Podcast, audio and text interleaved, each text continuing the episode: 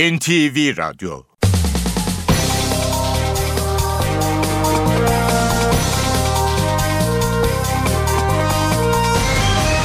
İşe Giderken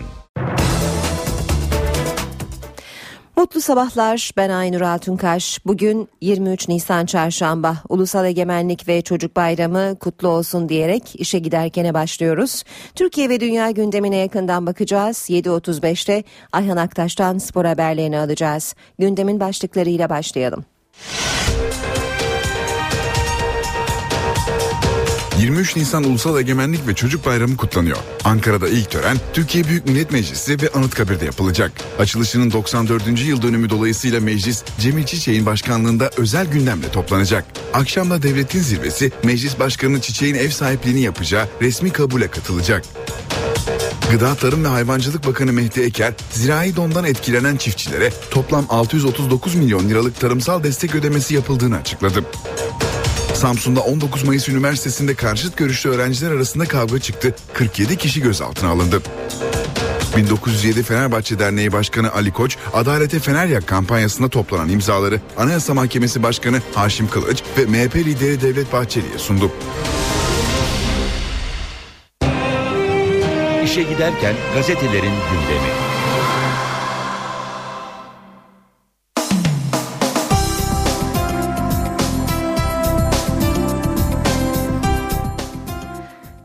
Basın özetlerine Hürriyet gazetesiyle başlayalım. 23 Nisan kutlamalarını görüyoruz gazetelerde, manşetlerde. Hürriyet demokrasimizin temel taşı diyor. 23 Nisan kutlu olsun.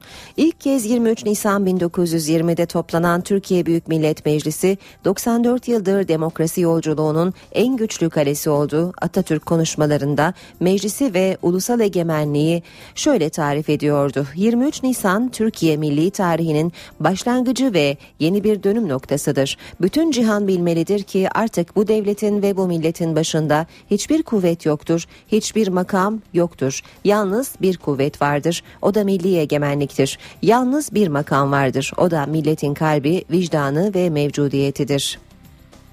Gökyüzünde Atatürk, Türkiye Büyük Millet Meclisi'nde görkemli 23 Nisan kutlamaları ilk kez şeref holünde yapılacak. Resepsiyonun ardından Kurtuluş Savaşı ses ve ışık gösterisiyle 3 boyutlu canlandırılacak. Bulutlara Atatürk ve çocuklar yansıtılacak. Resepsiyonda ana gündem köşk seçimi. Liderler yerel seçim sonrası ilk kez bugün bir araya gelecek. Gül ve Erdoğan'a özellikle Cumhurbaşkanlığı adaylığı konusunda sorular yöneltilmesi bekleniyor. Bir diğer başlık hürriyette 3 şantaj kaseti var. Başbakan Erdoğan bunların elinde şantaj kasetleri var. Cumhurbaşkanının da şantaj kaseti bunlarda var. Benim de vardı. Genelkurmay Başkanı'nın da dedi. Başbakanın sözleri devam ediyor hürriyette ama ben diyorum ki benimle ilgili varsa çıkıp açıklayın. Açıklamazsanız namertsiniz diyorum. Şahsımla alakalı aradıklarını bulamadılar, bulamayacaklar. Benim bakanlarımla yaptığım görüşmeleri ancak verebildiler. Ve e, muhalefet gruplarına bakalım.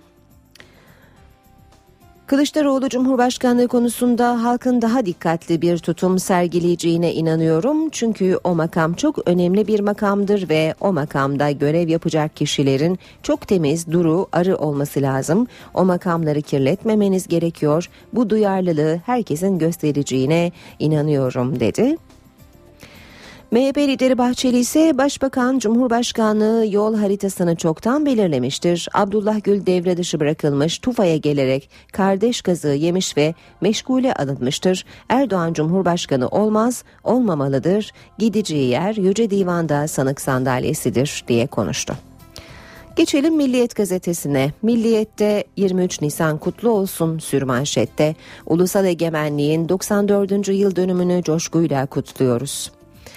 Manşette ise yarınların mimarı başlığı var. Mehmet Baki başarılı bir mimarken işi bırakıp kendisini dar gelirli çocukların müzik eğitimine adadı. 10 yılda 4000 çocuğun hayatına dokundu. Önceki günkü muhteşem konser onun gurur tablosuydu. Yaşları 7 ile 14 arasındaki 110 çocuktan oluşan Barış için Müzik Orkestrası unutulmaz bir konser verdi diyerek konseri manşetine taşıyor Milliyet gazetesi. Bu şımarıklık son bulsun başta yine milliyette Başbakan Erdoğan 1 Mayıs'ı Taksim'de kutlamadan ümit kutlamadan ümidin kesilmesini isteyerek bu şımarık ruh hali artık son bulmalı. İlla burada yapacağım demek çatışmaya hazır olmak anlamına gelir dedi. Çankaya seçiminin çantada keklik olmadığını belirten Erdoğan paralel yapı içinde şerefsizler ifadesini kullanarak bunlar da hem Cumhurbaşkanının hem Genelkurmay Başkanının şantaj kaseti var diye konuştu. Devam edelim ee, yine Milliyet gazetesinden aktarmaya. Çocukların mesaide öldüğü, tecavüze uğradığı bir 23 Nisan. İnşaatta ölmediğim her gün bayramdır. Daha yılın yarısı bile bitmeden Türkiye'de 13 çocuk işçi öldü. Bu korkunç rakam 7 yaşından beri inşaatlarda çalışan OK'nin 23 Nisan'dan beklentisini de açıklıyor. Umarım inşaatta ölmem. Böyle bir şeyin olmadığı her gün bayram aslında. Devam ediyoruz Sabah gazetesiyle. Sabahta manşet. O ceketten tonla harç parası çıktı. Başbakan Erdoğan'ın grup konuşmasından sözleri. Tek ceketle yola çıktı. Şimdi binlerce dava açıyor. Bu kadar mahkeme harcını nereden buluyorsun? E, Fethullah Gülen'i kastediyor başbakan. Tek ceketi vardı. Herhalde şimdi ceketsiz kalmış vaziyette dava üstüne dava açıyor. Bu rakamlarla da inşaatın kalan kısmını tamamlayacak dedi başbakan. 23 Nisan Ulusal Egemenlik ve Çocuk Bayramı'nın 94. yıl dönümü kutlu olsun diyor Sabah gazetesi de sürmanşette. Verilen karar başka, imzalanan karar başka. Anayasa Mahkemesi'nin Twitter'ın açılması için net karar almadığı kararın üyeleri odalarda imzalatıldığı öne sürüldü diyor Sabah gazetesi haberinde. Devam edelim. Sırada Radikal gazetesi var. Taksim resti demiş Radikal manşetinde. Başbakan Erdoğan, Taksim'den ümidinizi kesin, çelengini bırakırsın, yeni kapıya metro ile geçebilirsin dedi. Sendikalar ikiye bölündü. Türk İş, Kadıköy dedi, BİSK Taksim'den yana. CHP yasak olmasın dedi, BDP de Taksim'e çıkacak diyor Radikal haberinde. İki ay sonra İmralı vizesi, Pervin Buldan ve Selahattin Demirtaş'ın sert açıklamaları karşılığını buldu. İki aydır kesilen İmralı görüşmesine onay çıktı. Öcalan'la görüşmeye cumartesi gerçekleşecek. Basın özetleri devam ediyor. Cumhuriyet gazetesine bakacağız şimdi de. Aç, üşüyor, kıyafeti yok. 23 Nisan Ulusal Egemenlik ve Çocuk Bayramı kutlu olsun. Türkiye'de 5 çocuktan 3'ü şiddetli maddi yoksunluk içinde. Bahçeşehir Üniversitesi Ekonomik ve Toplumsal Araştırmalar Merkezi'nin verileri dünyada ilk kez çocuklarına bayram armağan eden Türkiye'deki durumun vahametini ortaya koydu. İktidar ekonomide iyimser tablo çize dursun çocukların %67,7'si proteinli gıda alamıyor, %39,9'u ısınamıyor, %40'ı yeni kıyafete ulaşamıyor. Türkiye Avrupa'da gelişmişlik düzeyi düşük olan Macaristan ve Romanya'nın da gerisinde.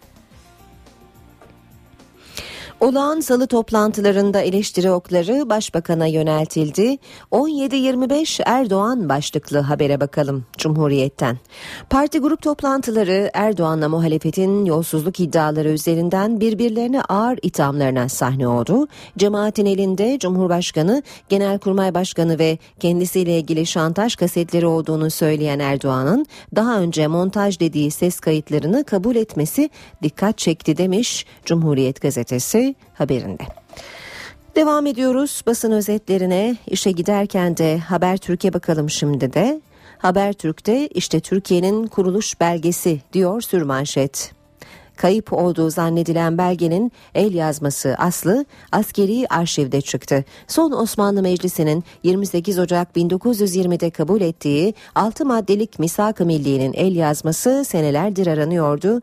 Belgenin 12 Eylül'de SEKA'ya gönderildiği bile iddia edilmişti. İstiklal Savaşı'nın ruhu ve Türkiye'nin varoluş belgesi kısa adı ATASE olan Genelkurmay arşivindeydi. Orijinal nüshanın renkli fotoğrafları e, tarafıma hediye edildi diyor Habertürk'te Murat Bardakçı. Durduramadığı başlığı Habertürk'te manşette kadına şiddete dur aktivisti olan 3 çocuk annesi eski sevgilisi tarafından öldürüldü.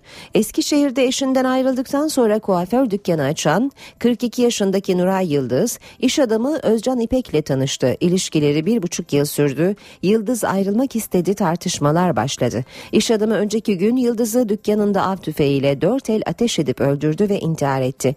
Yıldız'ın hasta babasına nakil için karaciğerinden parça vermeye hazırlandığı öğrenildi. Yine Habertürk'ten okuyalım. Mantıda at eti. Tarım Bakanı sağlığa uygun olmayan 42 ürünü ifşa etti. Mantıya at eti, enerji içeceğine ilaç koyanlar var. Bakanlık taklit ve tahşiş yapılmış piyasadaki 42 ürünü açıkladı. Toz biberde boya, enerji içeceği ve kahvede ilaç tespit edildi. Raftaki tehlike bununla da bitmiyor. Mantıda at, köftede eşek eti, sucukta tükürük bezi, süt ürünlerinde jelatin bulundu. Geçelim e, Zaman Gazetesi'ne. Çocuk suçlarında korkutan artış demiş 23 Nisan'da Zaman Gazetesi. Suça bulaşan çocukların sayısı yıldan yıla artıyor. Hatta hırsızlık gibi adi suçların yanında cinayet gibi ağır suçlara karışanlar var. Uzmanlara göre ailede, toplumda ve siyasi hayatta kullanılan şiddet dili bu tablonun oluşmasında etkili. Toplumu bir arada tutan değerlerin yeniden anlatılması gerekiyor. Ve Yeni Şafak'a bakalım. Yeni Şafak devletin zirvesine şantaj demiş e, manşetinde. Başbakan Erdoğan'ın grup konuşmasından sözlerini aktarmış Yeni Şafak gazetesi. Diğer gazetelerden de okumuştuk. Cumhurbaşkanımızla seçimi görüşeceğiz e, sözüne bakalım başbakanın ayrıntılı olarak. Erdoğan Cumhurbaşkanlığı seçimiyle ilgili bu işe iki kişi karar veremez diyen Bahçeli'ye sert cevap verdi. Erdoğan biz bir istişare partisiyiz sen mi vereceksin kararı Cumhurbaşkanımızla aynı şekilde bu konuyu ele alıp değerlendirmemizi yapacağız diye konuştu.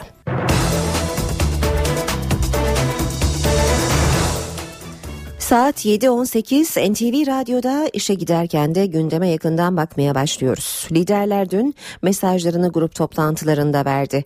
Başbakan Erdoğan Taksim'den ümidinizi kesin dedi. CHP lideri Kemal Kılıçdaroğlu ise Taksim'i açın olay çıkmaz diye konuştu. BDP eş başkanı Selahattin Demirtaş da hükümet gündem değiştirmek istiyor dedi. Taksim'den bir defa ümidinizi kesin. Burada devletle bir gerilime lütfen girmeyin. Başbakan Recep Tayyip Erdoğan Taksim tartışmasına son noktayı koydu. Başbakan ısrara iyi niyetle bakmayız dedi. İstanbul'da miting yapılacak yerler bellidir. Hayır ben orada yapmıyorum illa burada yapacağım dersen ha, bu bir defa çatışmaya ben hazırım anlamına gelir. Ki buna da biz asla müsaade etmeyiz. Muhalefet ise 1 Mayıs'ın Taksim'de kutlanmasına izin verilmemesine tepkili. CHP lideri Kemal Kılıçdaroğlu Taksim'i açın olay çıkmaz dedi.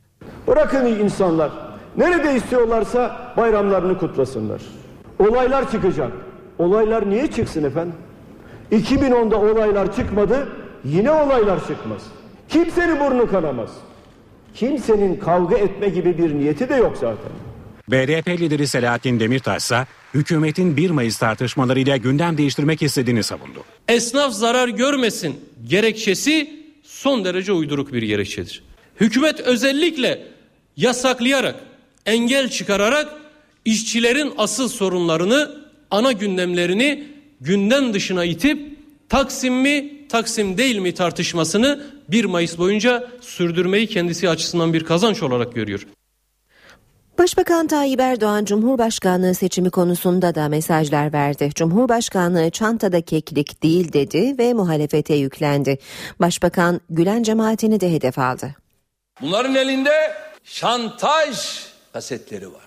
Bu devletin en tepesinden en aşağısına kadar. Kaç kere söyledim. Cumhurbaşkanlığının da şantaj kaseti bunlarda var. Benim de vardı. Genelkurmay Başkanı ama ben diyorum ki benimle ilgili varsa çıkın açıklayın diyorum. Açıklamazsanız namertsiniz diyorum.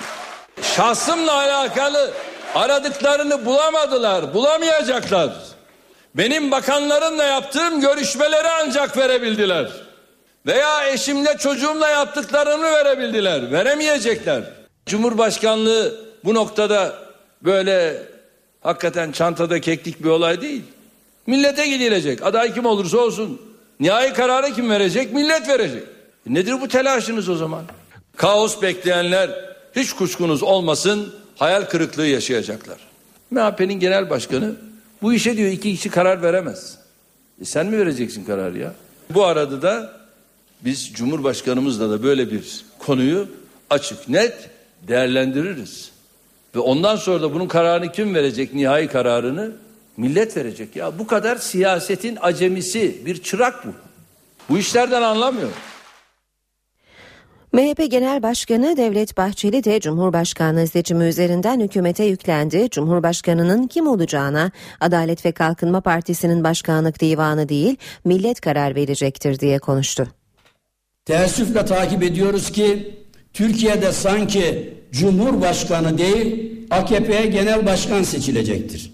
Şu işe bakınız ki Cumhurbaşkanlığı seçimine 110 gün kala sandıklar kurulmuş, oylar sayılmış, karar verilmiş, netice belli olmuştur. Yani 110 gün sonra bir formalite yerine getirilecek, yasal bir zorunluluğun icabı istenmese de yapılacaktır. Cumhurbaşkanına AKP'nin karanlık odaları değil, Türk milleti karar verecektir. 12. Cumhurbaşkanının kim olduğuna dair son sözü AKP'nin başkanlık divanı veya bir başka organı değil aziz milletimiz söyleyecektir. Başbakan kardeşine oyun oynamakta ve minderde tuş etmek için son kozlarını gözden geçirmektedir. Sayın Abdullah Gül devre dışı bırakılmış ve meşgule alınmıştır. Adalet Bakanı Bekir Bozdağ, Cumhurbaşkanlığı sürecinin AK Parti'de sorunsuz ve sıkıntısız geçeceğini söyledi. Dün NTV yayınına katılan Bozdağ, Cumhurbaşkanının yeniden aday olup olmayacağını bilmiyoruz, bunu zaman gösterecek dedi.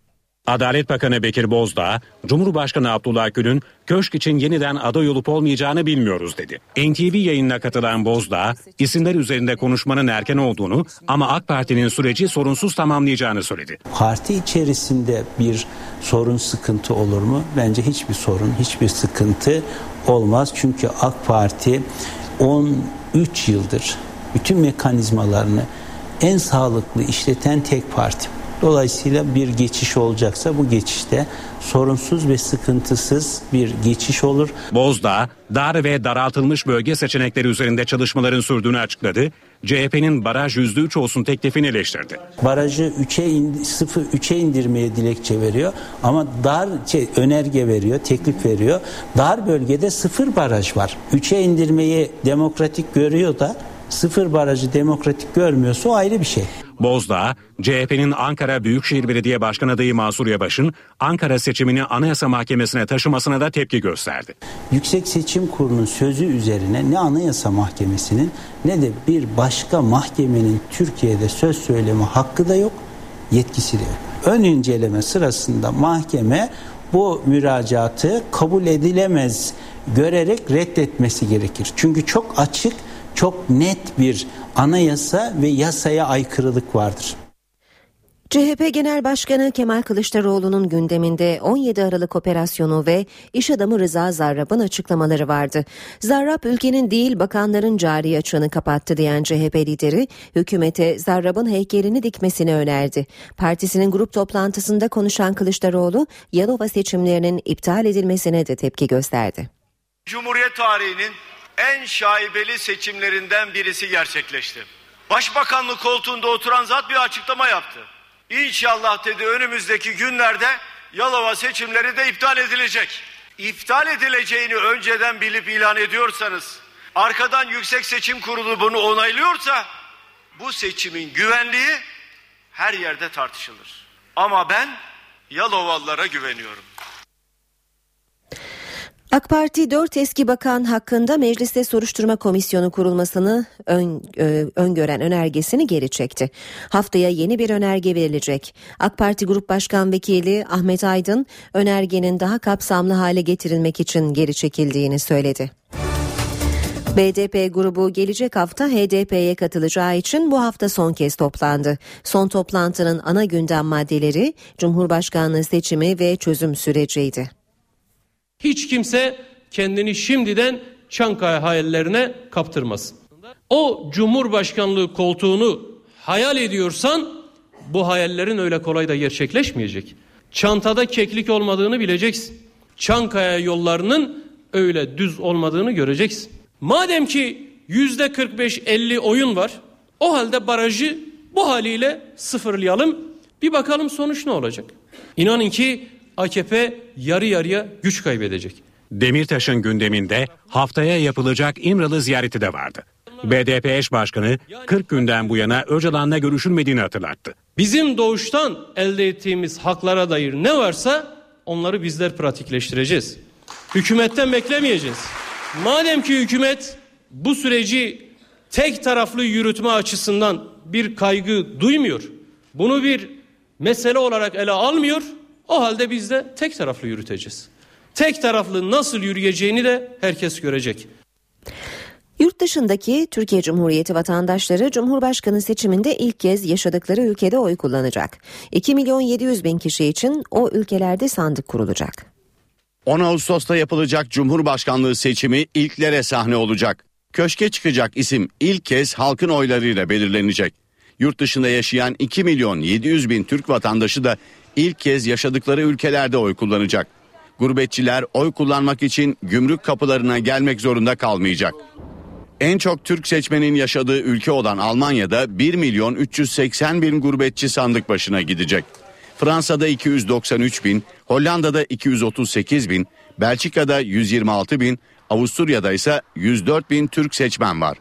Yasaya göre sandık kurulması için o merkezde en az 500 seçmen olmalı. Yalnızca bir vatandaşın yaşadığı Orta Afrika Cumhuriyeti, Zambiya gibi ülkelerdeki seçmenler sınır kapılarına gelmek zorunda. Gurbetçi oylarının köşk seçimine etkisi büyük. Bu yüzden de siyasi partiler yalnızca Türkiye'de değil, Türklerin yoğun yaşadığı ülkelerde de miting yapmayı planlıyor. Başbakan Recep Tayyip Erdoğan, Cumhurbaşkanlığı seçimi öncesi yurt dışında Türklerin yoğun olarak yaşadığı merkezlerde miting düzenleyecek. İlk durak Almanya'nın Köln şehri. Erdoğan 24 Mayıs'ta 19 bin kişi kapasiteli Köln Arena Spor Salonu'nda Türk vatandaşlara seslenecek. Köln'ün yanı sıra Başbakan'ın Brüksel gibi Türklerin yoğun olarak bulunduğu Avrupa'daki başka merkezlerde de köşk seçimi öncesi miting düzenleyeceği belirtiliyor. Bugün 23 Nisan Ulusal Egemenlik ve Çocuk Bayramı. Devletin zirvesinden gelen 23 Nisan mesajlarına bakalım. Cumhurbaşkanı Abdullah Gül 23 Nisan mesajında insan haklarına saygılı, özgür nesil vurgusu yaptı, çocuklara seslendi. Türkiye'nin geleceği sizin elinizde şekillenecektir. Bu nedenle çağın dinamikleri doğrultusunda kaliteli bir eğitim almanızı, demokrasiyi özümsemiş, insan haklarına ve başka fikirlere saygılı, değerlerine bağlı, araştıran, sorgulayan, özgüveni yüksek ve özgür düşünceli nesiller olarak yetişmenizi amaçlıyoruz. Meclis Başkanı Cemil Çiçek de çocuklara düşen sorumluluğun altını çizdi. Gazi Mustafa Kemal Atatürk, genç Türkiye Cumhuriyeti'nin sonsuza kadar yaşamasının güvencesi olarak bu kutlu günün çocuklarımıza armağan etmiştir. Yarının huzurlu ve aydınlık Türkiye'sini onlar yönetecek. İnsanlarımız arasındaki barışı ve kardeşliği onlar yaygınlaştıracaklardır. Başbakan Recep Tayyip Erdoğan ise mesajında yeni anayasa çalışmalarına atıfta bulundu. İnanıyorum ki Yüce Meclisimiz daha sivil, daha özgürlükçü bir anayasayı yürürlüğe koyarak demokrasisini güçlendirecek ve milli egemenliğimizin sembolü haline gelen çocuklarımıza çok daha aydınlık bir gelecek armağan edecektir. 23 Nisan Ulusal Egemenlik ve Çocuk Bayramı kutlanıyor. Ankara'da ilk tören Türkiye Büyük Millet Meclisi ve Anıtkabir'de yapılacak. Açılışının 94. yıl dönümü dolayısıyla meclis Cemil Çiçek'in başkanlığında özel gündemle toplanacak. Akşamda devletin zirvesi Meclis Başkanı Çiçek'in ev sahipliğini yapacağı resmi kabule katılacak. Gıda Tarım ve Hayvancılık Bakanı Mehdi Eker, zirai dondan etkilenen çiftçilere toplam 639 milyon liralık tarımsal destek ödemesi yapıldığını açıkladı. Samsun'da 19 Mayıs Üniversitesi'nde karşıt görüşlü öğrenciler arasında kavga çıktı. 47 kişi gözaltına alındı.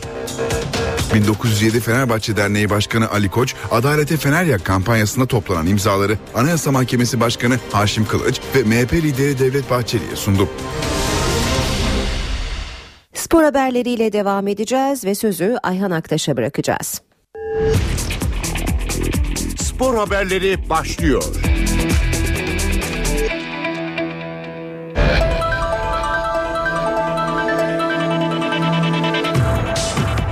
Günaydın ben Ayhan Aktaş spor gündeminden gelişmelerle birlikteyiz. Beşiktaş yönetimi Gökhan Tören'in silahla yaralanması olayıyla ilgili olarak gece kulübüne giden 7 futbolcuya para cezası verme kararı aldı. Yönetim kurulu toplantısı sonrası açıklama yapan Beşiktaş 2. Başkanı Ahmet Nur Çebi, ceza miktarının savunmalar alındıktan sonra ve disiplin yönetmeliğine göre verileceğini söyledi. İnsan açıdan baktığımızda bu çocukların yaşadıkları şeyler e, sonuç itibariyle kötü şeyler ve kendini Allah korumuş e, çok şükür diyoruz bir. İkincisi e, bugünkü yapmış olduğumuz toplantıda e, futbol şubesine e, verilecek olan e, savunma ve raporları talep ettik. Onları arkadaşlarımız aldıktan sonra yönetim kurulu önüne getirecekler ve disiplin kurulunun e, disiplin yönetmeliğinin e, bütün maddelerin uygulanmasına e, ortak bir görüş olarak karar e, alındı. Futbol şubenin almış olduğu rapor doğrultusunda yönetim kurulu kararını verecek. Ama prensip itibarıyla disiplin yönetmeliğinin uygulanması konusunda ortak fikir oluşmuştur. Kadro dışı kararı yok herhalde. Başka. Hayır kadro dışı kararı yok şu anda. Gökhan Tören'in sezon sonunda bonservisinin alınması gündemdeydi. Bu olay bu konuyla ilgili fikrinizi veya planlamanızı değiştirebilir mi? Değiştireceğini sanmıyorum. Yeniden bonservis almak için görüşmeler devam. sanmıyorum. Bakın e, bazen e, bir müsibet bin nasihattan daha iyidir. Bu çocuklarımızın da bundan ders çıkaracaklarını biz ümit ediyoruz. Yani yaşamış oldukları şeylerden pişmanlık duyacaklarını ümit ediyoruz. Bunlar da e, pozitif olarak bakılması gereken konular. Maalesef kötü bir olay ancak her kötü olay bazen e, hayırları da vesile olabilir. Ben bu çocuklarımızın da bu yaptığı hataları şu anda görmüş olduklarını düşünüyorum. Beşiktaş'ın yıldız futbolcuları Olcan Şahan ve Oğuzhan Özyakup arkadaşları Gökhan Tören'in yaralanmasıyla ilgili olaya karıştıkları yönündeki haberleri isyan etti. NTV Spor'a özel açıklama yapan iki oyuncu da Fenerbahçe maçının ardından geceyi aileleriyle birlikte evlerinde geçirdiklerini vurguladılar. Beşiktaş'ta Fenerbahçe derbisinden sonra gece geç saatlere kadar eğlenen Gökhan Töre silahlı saldırı sonucu yaralanmıştı. Olayın ardından siyah beyazlı yönetim Gökhan ve o gece birlikte olduğu Fernandes, Almeida, Motta, Dani, Veli ve Kerim Fray'a para cezası verme kararı aldı. Yaşanan olay sonrası adları o gece dışarıda oldukları şeklinde anılan Olcay Şahan ve Oğuzhan Özyakup söylentilere tepki gösterdi. İki oyuncu NTV Spor'a yaptıkları özel açıklamada derbinin ardından geceyi aileleriyle birlikte evlerinde geçirdiklerini ifade ettiler. kadar Olcay arkadaşlarının bir an önce sağlıklarına kavuşmalarını dilerken ben maçtan sonra eve döndüm. Ailemle yaşayan biriyim. İnsanlar annemi arayıp geçmiş olsun demeye başladılar. Ben özel hayatına çok dikkat eden bir insanım ve maçtan sonra kesinlikle dışarıya çıkmadım. Bunu ispatlamak zorunda değilim ama böyle haberler yapmadan arayıp bana sorabilirlerdi.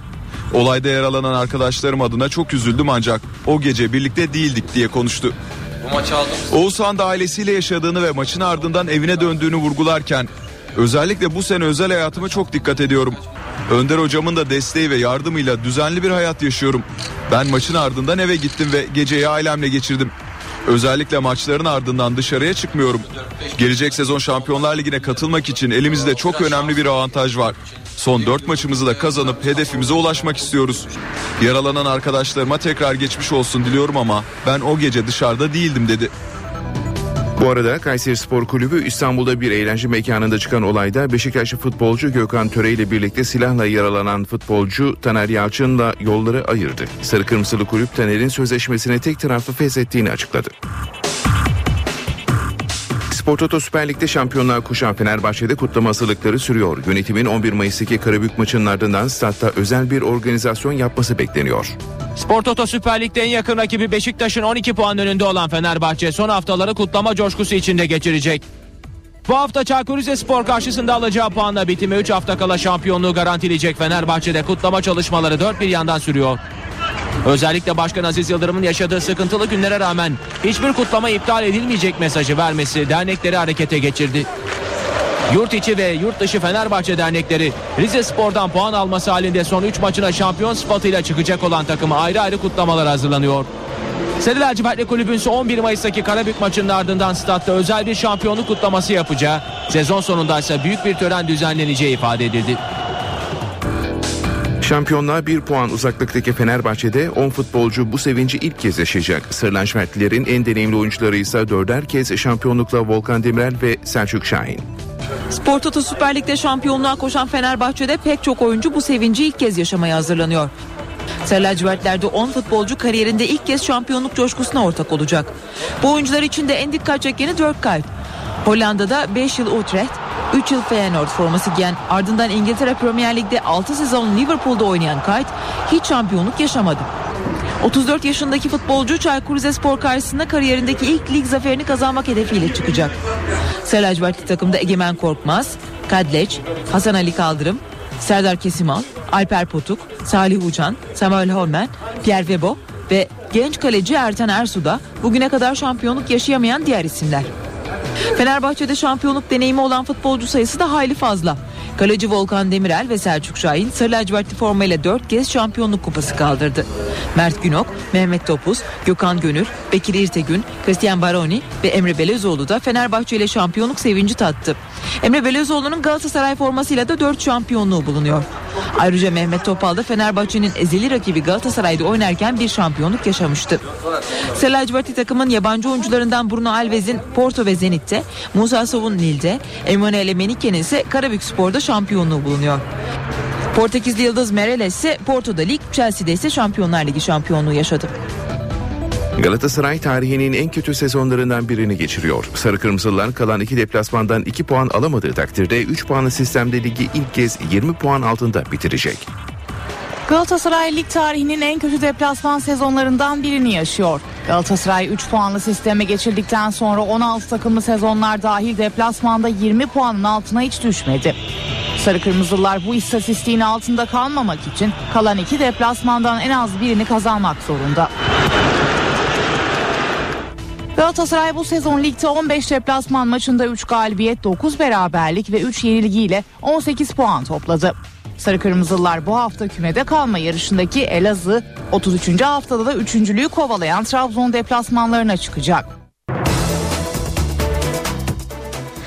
Yeni saati karşılıyoruz. Herkese bir kez daha günaydın. Ben Aynur Altunkaş.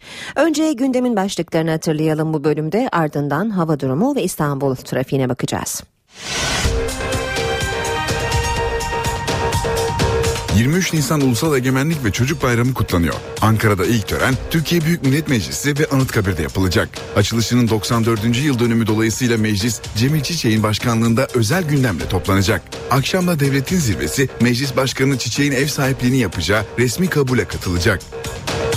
Gıda Tarım ve Hayvancılık Bakanı Mehdi Eker, zirai dondan etkilenen çiftçilere toplam 639 milyon liralık tarımsal destek ödemesi yapıldığını açıkladı. Samsun'da 19 Mayıs Üniversitesi'nde karşıt görüşlü öğrenciler arasında kavga çıktı. 47 kişi gözaltına alındı. 1907 Fenerbahçe Derneği Başkanı Ali Koç, Adalete Fener Yak kampanyasında toplanan imzaları Anayasa Mahkemesi Başkanı Haşim Kılıç ve MHP lideri Devlet Bahçeli'ye sundu.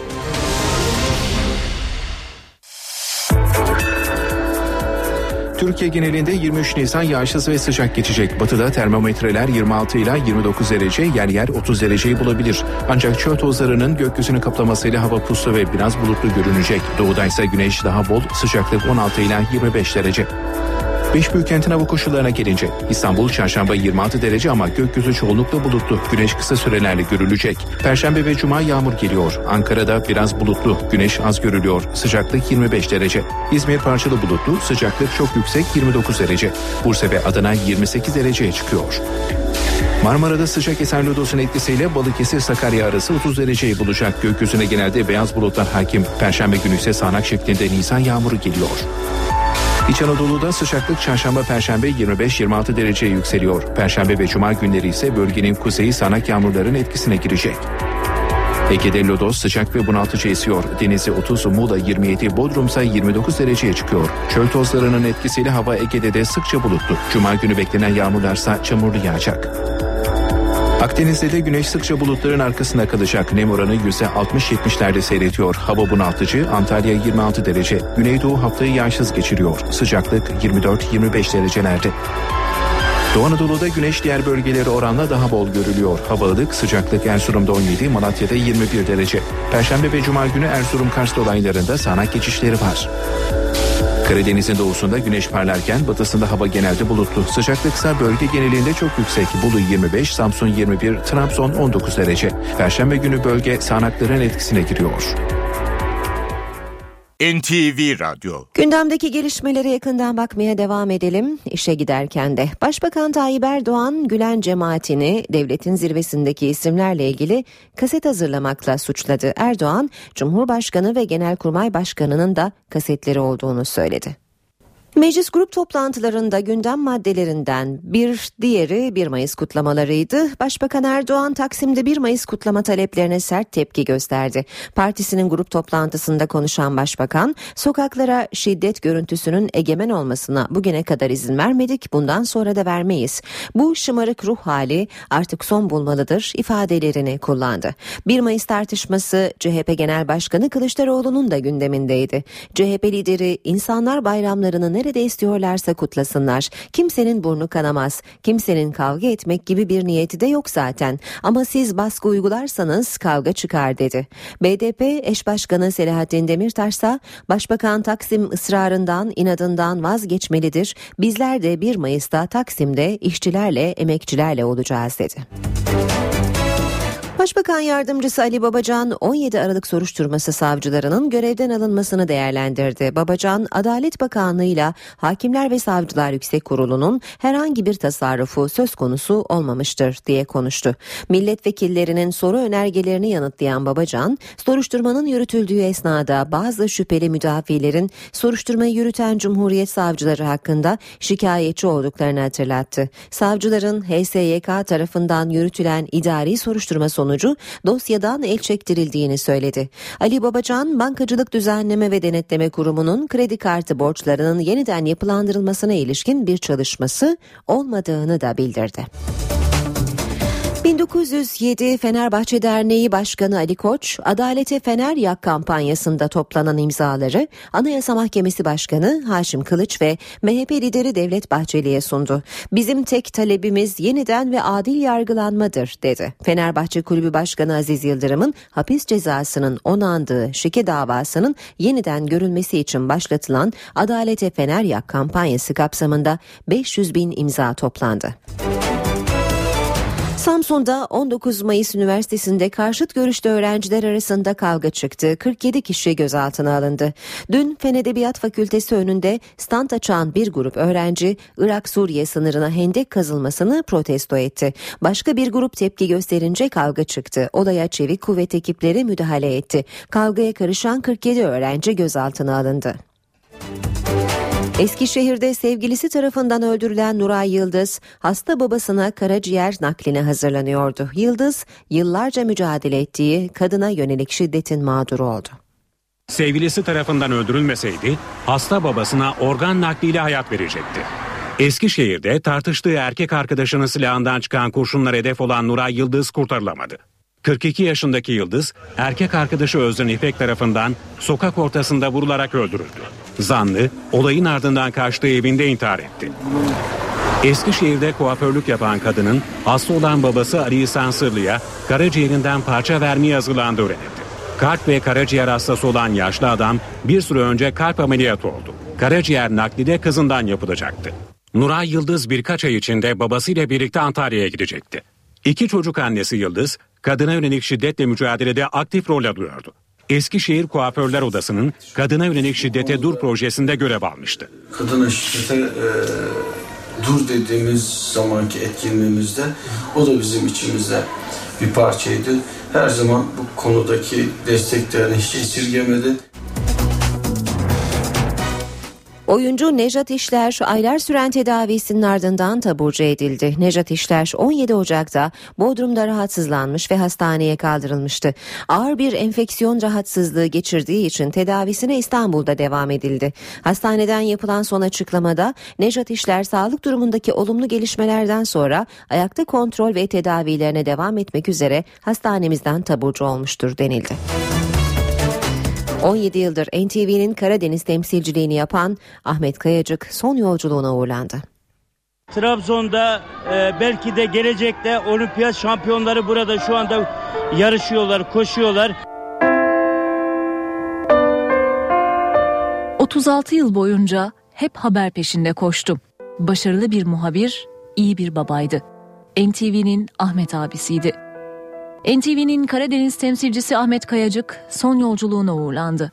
Deneyimli gazeteci için ilk tören Trabzon Gazeteciler Cemiyeti'nde yapıldı. Ailesi, iki oğlu, yakınları ve meslektaşları son görevlerini yerine getirmek için oradaydı. Ahmet Kayacık gerçek bir gazeteciydi. Daha üç ay önce bile dağlarımı özledim, beni dağlarıma getirin diyordu. Kayacığın naaşı karanfiller eşliğinde İskenderpaşa Camii'ne götürüldü. Namazın ardından Ahmet Kayacık'ın cenazesi memleketi Giresun'a gönderildi. Deneyimli gazeteci Kayadebi aile mezarlığında defnedildi. Ahmet Kayacık habercilik mesleğine 1978 yılında Giresun'un Gündüz gazetesinde başladı. 13 yıl Hürriyet gazetesinde görev yaptı. 1997 yılında NTV'de çalışmaya başladı. 17 yıl boyunca NTV'nin Karadeniz'deki sesiydi. Dağda mahsur kalan 15, 15 kişinin üçüne şu anda ulaşıldı. Ahmet Kayacık 59 yıllık ömründe pek çok başarılı habere imza attı. Sadece bir haberci değil, yaşadığı topraklara aşık bir çevreciydi. Haber, fotoğraf ve röportaj dallarında pek çok ödüle layık görüldü. Doğa fotoğraflarını Dağ Deniz Karadeniz Al Gözüm Seyreyle adlı bir kitapta topladı. Bu fotoğraflardan oluşan sergi açtı. Ahmet Kayacık son döneme kadar mesleğine devam etti. Geride unutulmaz fotoğraflar ve ses getiren haberler bıraktı. Rize Çamlıhemşin'den tekrar e, size iyi akşamlar ve iyi yanlar diliyoruz. Söz sizde.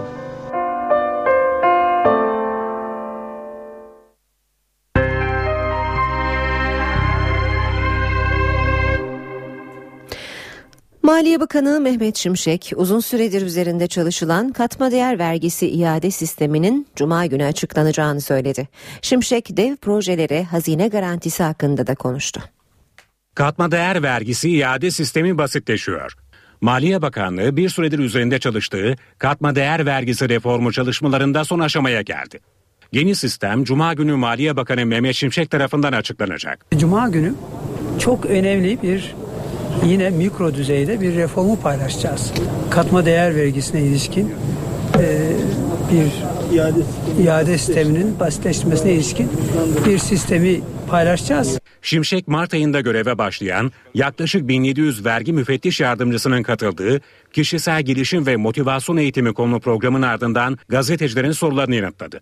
Maliye Bakanı'na dev projelere getirilen hazine garantisi soruldu.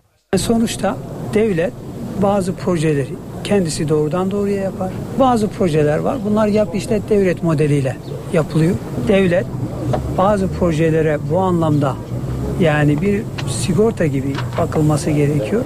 Bakan Şimşek, hazine garantisi kamuyu zarara sokabilir eleştirilerine yanıt verdi. Ek yük getirip getirmeyeceğini bilmiyoruz.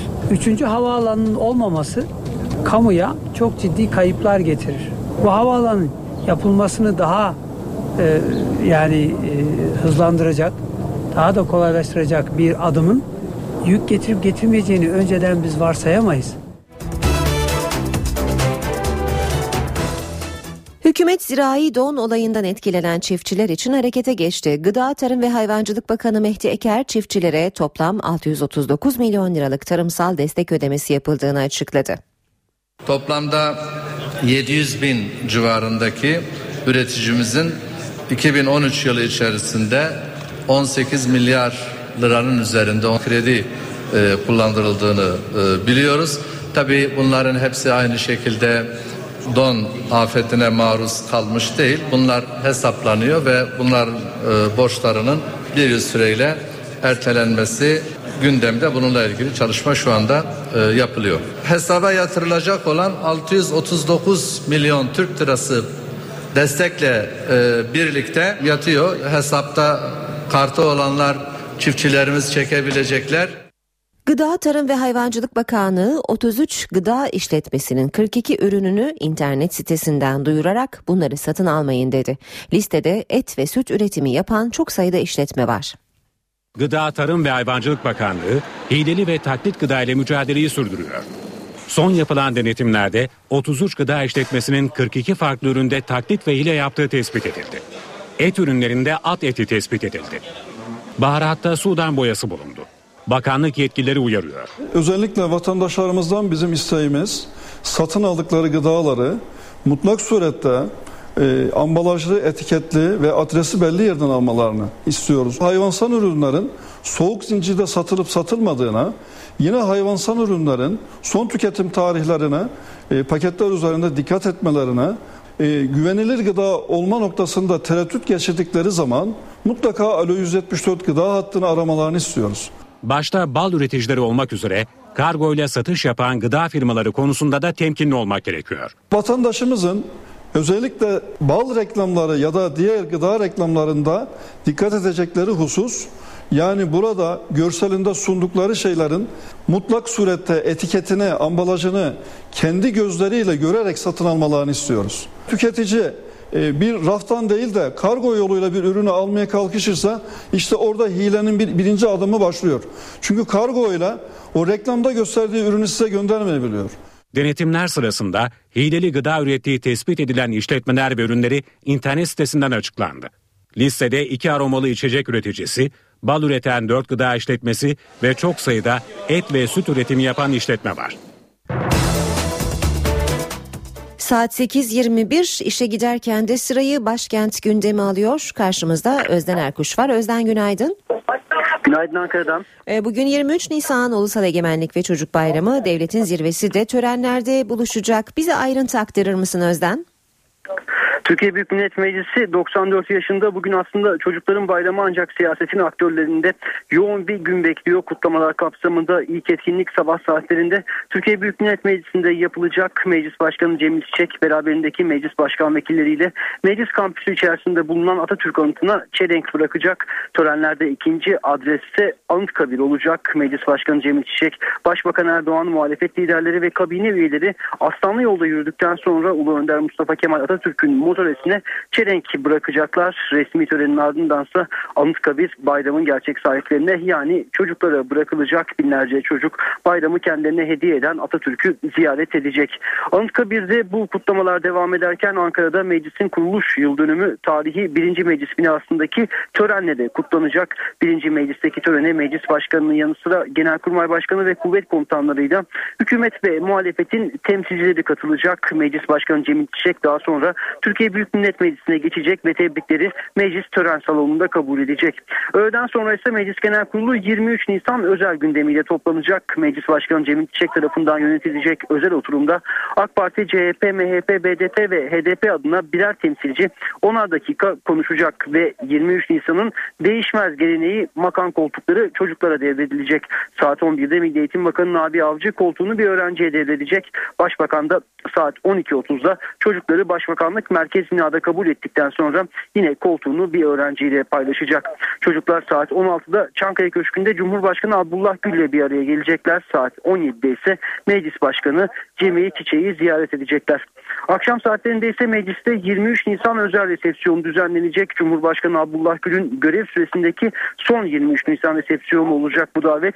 Resepsiyona Başbakan Erdoğan, muhalefet liderleri, Genelkurmay Başkanı ve kuvvet komutanlarıyla yüksek yargı temsilcileri de katılacak. Kuşkusuz üst düzey isimlerin katılacağı bu resepsiyondan Türkiye gündemindeki tartışmalı konu başlıklarına ilişkin önemli mesajlar da gelecek. Meclisin kuruluş yıl dönümü bu yıl bazı yeniliklere de sahne olacak. Resepsiyon bu yıl meclisin neredeyse bir geleneği olan tören salonunda yapılmayacak. Bu yılki resepsiyonun adresi Şeref Salonu olacak. Meclisin 94. kuruluş yıl dönümü için özel bir de tören hazırlandı saat 20.45'te meclis ön bahçesinde Kurtuluş Savaşı konulu 3 boyutlu ışık gösterisi meclis duvarlarına yansıtılacak ve kutlamalar havai fişek gösterisiyle son bulacak. Bir not daha hatırlayalım siyasete ilişkin Cumhuriyet Halk Partisi MYK'sı saat 15'te Kemal Kılıçdaroğlu başkanlığında Türkiye Büyük Millet Meclisi'nde toplanacak 23 Nisan Ulusal Egemenlik ve Çocuk Bayramı'nda Ankara'da gündemde öne çıkan başlıklar bu şekilde olacak. Özden teşekkürler. 23 ee, Nisan kutlamalarına ilişkin ayrıntıları aktardı başkentteki Özden Erkuş. 23 Nisan başlığıyla devam edelim. Bugün Profesör Doktor Güngör Uras da bize 23 Nisan'dan bahsedecek. Ayşe teyze ne yapsın? Güngör Uras, Ayşe teyze ekonomide olan biteni anlatıyor. Merhaba sayın dinleyenler, merhaba Ayşe Hanım teyze, merhaba Ali Rıza Bey amca. Bugün 23 Nisan. Türk ulusu için çok önemli bir gün. Mustafa Kemal Paşa'nın davetiyle Millet Meclisi 1920 yılının 23 Nisan'ında Ankara'da toplandı. Meclis 24 Nisan'da Mustafa Kemal Paşa'yı başkan seçti. Millet Meclisi'nin açılış günü olan 23 Nisan günü 1921 yılında çıkarılan bir kanunla ilk resmi bayram olarak ilan edildi. Kanunda 23 Nisan günü milli bayramdır deniliyordu. 1935 yılında çıkarılan bir başka kanunla 23 Nisan Milli Hakimiyet Bayramı olarak adlandırıldı. Daha sonra Milli Hakimiyet Bayramı'nın adı Çocuk Bayramı oldu. Kurtuluş Savaşı'nda öksüz ve yetim kalan çocukların korunmasını, yetiştirilmesini gaye edinen Himayeyi Etfal Çocukları Koruma Cemiyeti Mustafa Kemal'in desteğiyle Millet Meclisi'nin açılış günü olan 23 Nisanlarda yetim çocukları eğlendirmek ve onlara gelir sağlamak için etkinlikler düzenliyordu.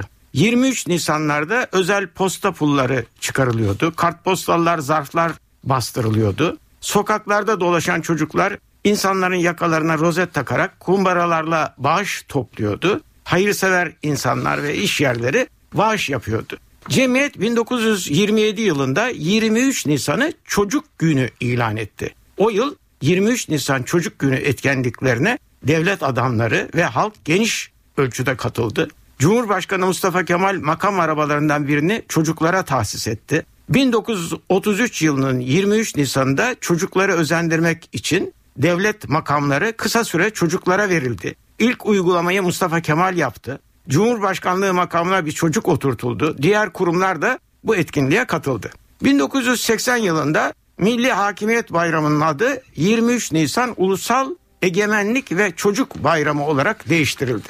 Şimdi geldik bugünlere.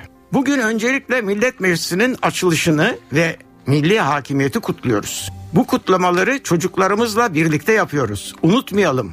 Bugünkü yaşamımızın temelinde milli mücadele var. Millet Meclisi'nin açılışı var. Milli hakimiyet var. 23 Nisan Milli Hakimiyet ve Çocuk Bayramınız kutlu olsun sayın dinleyenler. Güngör Uras'a sormak istediklerinizi ntvradio.ntv.com.tr adresine yazabilirsiniz. Gençler ve çocuklar Kamu Denetçiliği Kurumu'na internetten başvurabilecek. Eğitim ve sağlık hizmetleri ya da öğretmen, yurt görevlisi ve doktoruyla sorunu olanlar bu yolla kuruma doğrudan ulaşabilecek. Kadın ve çocuklarımızdan bize çok başvuru bekliyordum. Fakat sükut hayale uğradım. İtirafı yapan isim kamu baş denetçisi Nihat Ömeroğlu. Çocukların başvurusunun azlığını fark eden kurum yeni bir adım attı. Da birçok e, yönelik birçok çalışma. Bugüne kadar çocuklar için kuruma 23 başvuru yapıldı. Biri karara bağlandı. 1 Mayıs'ta İstanbul'da yaşanan olaylarda gaz kapsülüyle başından vurulan Dilan Alp'in başvurusunda polis kusurlu bulundu. Mağdur çocuğun ayağına kadar gidilmiştir. Sonucunda kurum olarak bir karar verilmiştir. Başvuruları arttırabilmek için Baş Denetçilik Kurumu çocuklar için yeni bir internet sitesi açtı. Çocuklarımız için kamu denetçiliği çocuk internet sitesinin açılmasının önemini ben sizin takdirinize bırakıyorum. Eğitim, sağlık, ulaşım, barınma gibi kamu hizmeti alırken haksızlığa uğradığını düşünen, öğretmeni, doktoru, yurt görevlisiyle ilgili sorun yaşayan çocuk doğrudan başvuru yapabilecek. Çocuklar adına sivil toplum örgütleri, dernekler, vakıflar da siteye başvuru yapabilecek. Van'da bir lisede öğrencilerin talebi üzerine küçük yaşta evliliğin sakıncaları ile ilgili seminer düzenlendi. Van'daki Erçek Lisesi öğrencileri bazı arkadaşlarının evlendirilerek okuldan alınması üzerine harekete geçti. Kız öğrenciler okul idaresinin desteğiyle bir seminer düzenledi. Ailelere uzmanlar tarafından çocuklarını küçük yaşta evlendirmemeleri gerektiği anlatıldı. Kız öğrenciler erken evlilikleri protesto için seminere beyaz eşarpla katıldı. Türkiye İstatistik Kurumu'nun araştırmasına göre çocuk yaşta evlendirilenlerin nüfusa oranı %3. TÜİK araştırmasında ailelerin çocukları için en çok tercih ettiği isimlere değer verildi. Türkiye'de 0-17 yaş grubuna giren çocuk nüfusu 22 milyon 761 bin. Çocuk sayısı nüfusun %30'unu oluşturuyor. Çocuk yaşta resmi nikahla evlendirilenlerin oranı ise %3. Türkiye İstatistik Kurumu 2013 yılı çocuk istatistiklerini açıkladı. Türkiye'de nüfusa göre en çok çocuk Şırnak'ta. Şırnak'ın %49'u çocuk. Şanlıurfa ve Ağrı ise Şırnak'ı takip etti. Çocuk nüfusunun en az olduğu illerse Tunceli, Edirne ve Çanakkale. Çocuk yaşta resmi nikahla evlendirilen kızların oranı %3 olarak hesaplandı. 16-17 yaş grubundaki bu kızların %70'i kendisinden daha büyük yaşta bir erkekle evlendi. 2013 yılında 1 milyon 283 bin doğum gerçekleşti. Doğanların %51.4'ünü erkek, %48.6'sını kız bebekler oluşturdu. Yeni doğan bebeklere konulan en popüler erkek ismi Yusuf, Berat ve Mustafa. En popüler 3 kız ismi ise Zeynep, Elif ve Ecrin oldu. Güneydoğu'da bir öğretmene 25 öğrenci düşüyor. Bu sayı Batı Karadeniz'de 15 öğrenci. 6-15 yaş grubu çocukların bilgisayar kullanma ortalama yaşı ise 8. İnternet kullanmaya başlama yaşı 9, cep telefonu kullanmaya başlama yaşı ise 10 olarak hesaplandı. 23 Nisan Ulusal Egemenlik ve Çocuk Bayramı kutlanıyor. Ankara'da ilk tören Türkiye Büyük Millet Meclisi ve Anıtkabir'de yapılacak. Açılışının 94. yıl dönümü dolayısıyla meclis Cemil Çiçek'in başkanlığında özel gündemle toplanacak. Akşamda devletin zirvesi Meclis Başkanı Çiçek'in ev sahipliğini yapacağı resmi kabule katılacak. Gıda Tarım ve Hayvancılık Bakanı Mehdi Eker, zirai dondan etkilenen çiftçilere toplam 639 milyon liralık tarımsal destek ödemesi yapıldığını açıkladı. Samsun'da 19 Mayıs Üniversitesi'nde karşıt görüşlü öğrenciler arasında kavga çıktı. 47 kişi gözaltına alındı. 1907 Fenerbahçe Derneği Başkanı Ali Koç, Adalete Fener Yak kampanyasında toplanan imzaları Anayasa Mahkemesi Başkanı Haşim Kılıç ve MHP lideri Devlet Bahçeli'ye sundu. Dünya gündeminden bazı haberler aktaralım şimdi. Güney Kore'de geçen hafta batan feribotta hayatını kaybedenlerin sayısı 113'e çıktı. Kimliği belirlenenler cenaze töreninin ardından toprağa veriliyor. Hala kayıp olan 190'dan fazla kişiyi arama çalışması da sürüyor. Mürettebattan iki kişi daha gözaltına alındı ve gözaltındakilerin sayısı 9'a yükseldi. Zanlılardan biri ifadesinde filikaları indirmeye çalıştıklarını ancak feribot yan yattığı için bunu başaramadıklarını söyledi.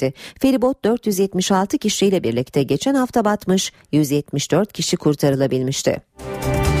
Geçen hafta Cenevre'de imzalanan Ukrayna anlaşması tehlikeye girdi. Ukraynalı bir siyasetçinin öldürülmesi sonrası geçici Cumhurbaşkanı Alexander Turchinov doğudaki Rusya yanlısı göstericilere karşı yeniden operasyon emri verdi. Turchinov'la aynı partiye üye olan Volodymyr Rybak'ın Slovyansk kentinde Rus yanlıları tarafından kaçırıldıktan sonra öldürüldüğü açıklandı. Rybak'ın bedeninde işkence izlerine rastlandığını belirten Ukrayna geçici Cumhurbaşkanı güvenlik güçleri güçlerine doğudaki Rus yanlılarına karşı anti terör operasyonu başlatma emri verdiğini açıkladı. Geçen hafta Cenevre'de Ukrayna, Rusya, Amerika Birleşik Devletleri ve Avrupa Birliği arasında imzalanan anlaşma Rus yanlılarının işgallerini sonlandırması ve bu gruplara yönelik operasyonların askıya alınmasını öngörüyordu.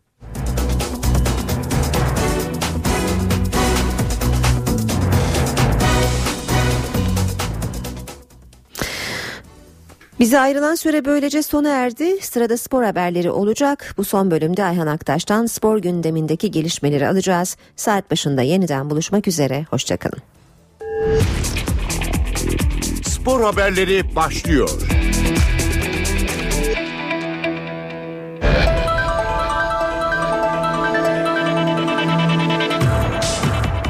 Günaydın ben Ayhan Aktaş spor gündeminden gelişmelerle birlikteyiz. Beşiktaş yönetimi Gökhan Tören'in silahla yaralanması olayıyla ilgili olarak gece kulübüne giden 7 futbolcuya para cezası verme kararı aldı. Yönetim kurulu toplantısı sonrası açıklama yapan Beşiktaş 2. Başkanı Ahmet Nur Çebi, ceza miktarının savunmalar alındıktan sonra ve disiplin yönetmeliğine göre verileceğini söyledi. İnsan açıdan baktığımızda bu çocukların yaşadıkları şeyler sonuç itibariyle kötü şeyler ve kendini Allah korumuş çok şükür diyoruz bir. İkincisi e, bugünkü yapmış olduğumuz toplantıda e, futbol şubesine e, verilecek olan e, savunma ve raporları talep ettik. Onları arkadaşlarımız aldıktan sonra yönetim kurulu önüne getirecekler ve disiplin kurulunun e, disiplin yönetmeliğinin e, bütün maddelerin uygulanmasına e, ortak bir görüş olarak karar e, alındı. Futbol şubenin almış olduğu rapor doğrultusunda yönetim kurulu kararını verecek. Ama prensip itibarıyla disiplin yönetmeliğinin uygulanması konusunda ortak fikir oluşmuştur. Kadro dışı kararı yok herhalde. Başka. Hayır kadro dışı kararı yok şu anda. Gökhan Tören'in sezon sonunda bonservisinin alınması gündemdeydi. Bu olay bu konuyla ilgili fikrinizi veya planlamanızı değiştirebilir mi? Değiştireceğini sanmıyorum. Yeniden bonservisini almak için görüşmeler devam. sanmıyorum. Bakın e, bazen e, bir musibet bin nasihattan daha iyidir. Bu çocuklarımızın da bundan ders çıkaracaklarını biz ümit ediyoruz. Yani yaşamış oldukları şeylerden pişmanlık duyacaklarını ümit ediyoruz. Bunlar da e, pozitif olarak bakılması gereken konular. Maalesef kötü bir olay ancak her kötü olay bazen e, hayırlara da vesile olabilir. Ben bu çocuklarımızın da bu yaptığı hataları şu anda görmüş olduklarını düşünüyorum. Beşiktaş'ın yıldız futbolcuları Olcan Şahan ve Oğuzhan Özyakup arkadaşları Gökhan Tören'in yaralanmasıyla ilgili olaya karıştıkları yönündeki haberleri isyan etti. NTV Spor'a özel açıklama yapan iki oyuncu da Fenerbahçe maçının ardından geceyi aileleriyle birlikte evlerinde geçirdiklerini vurguladılar.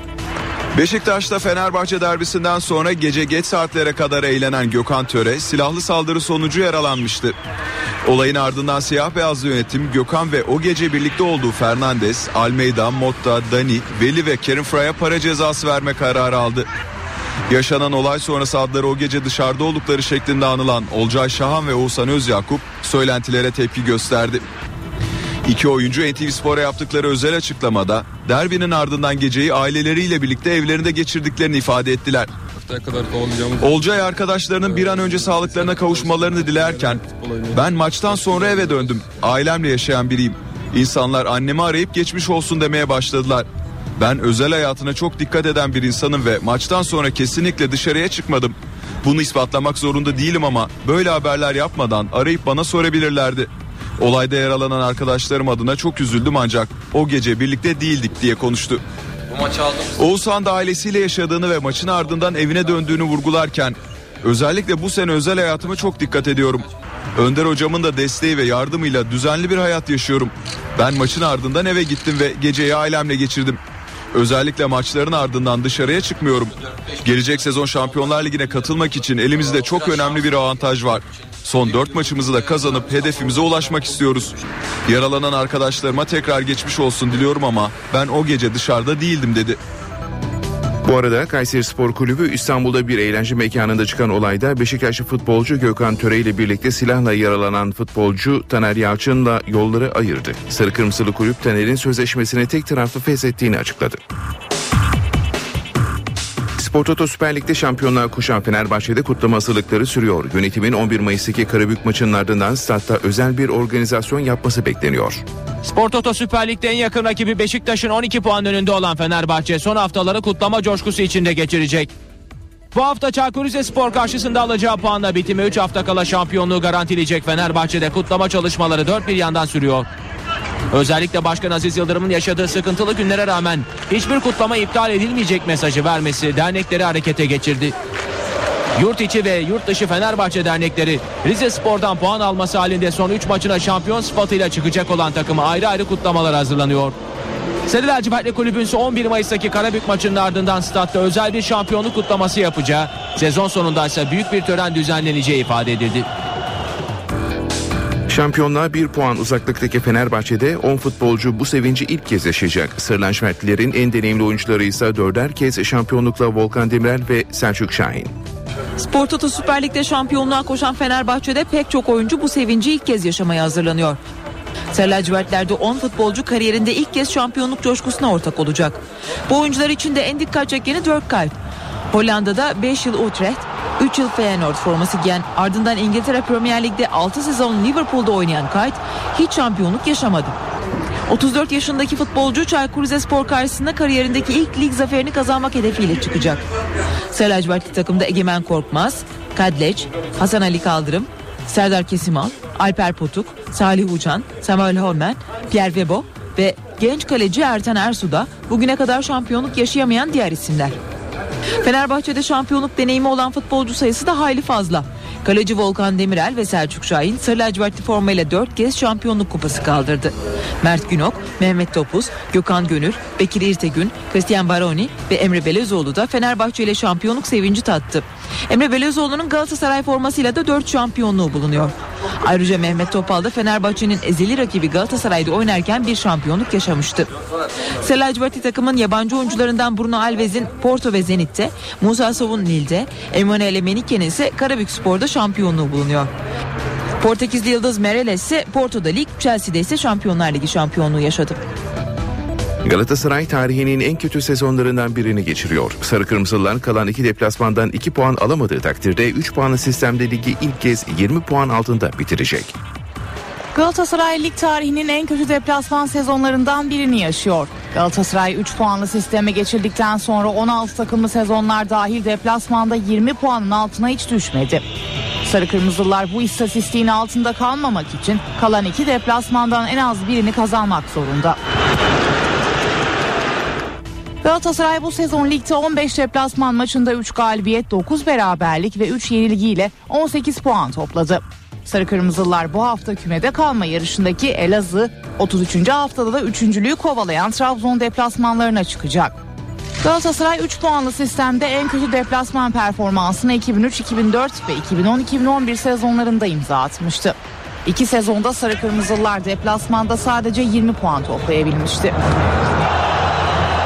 Sarı Kırmızılar Teknik Direktör Fatih Terim'in görevde bulunduğu 2011-2012 ile 2012-2013 sezonlarında toplam 37 maçtaki puan kaybını bu sezon 17 maçta yakalamış oldu.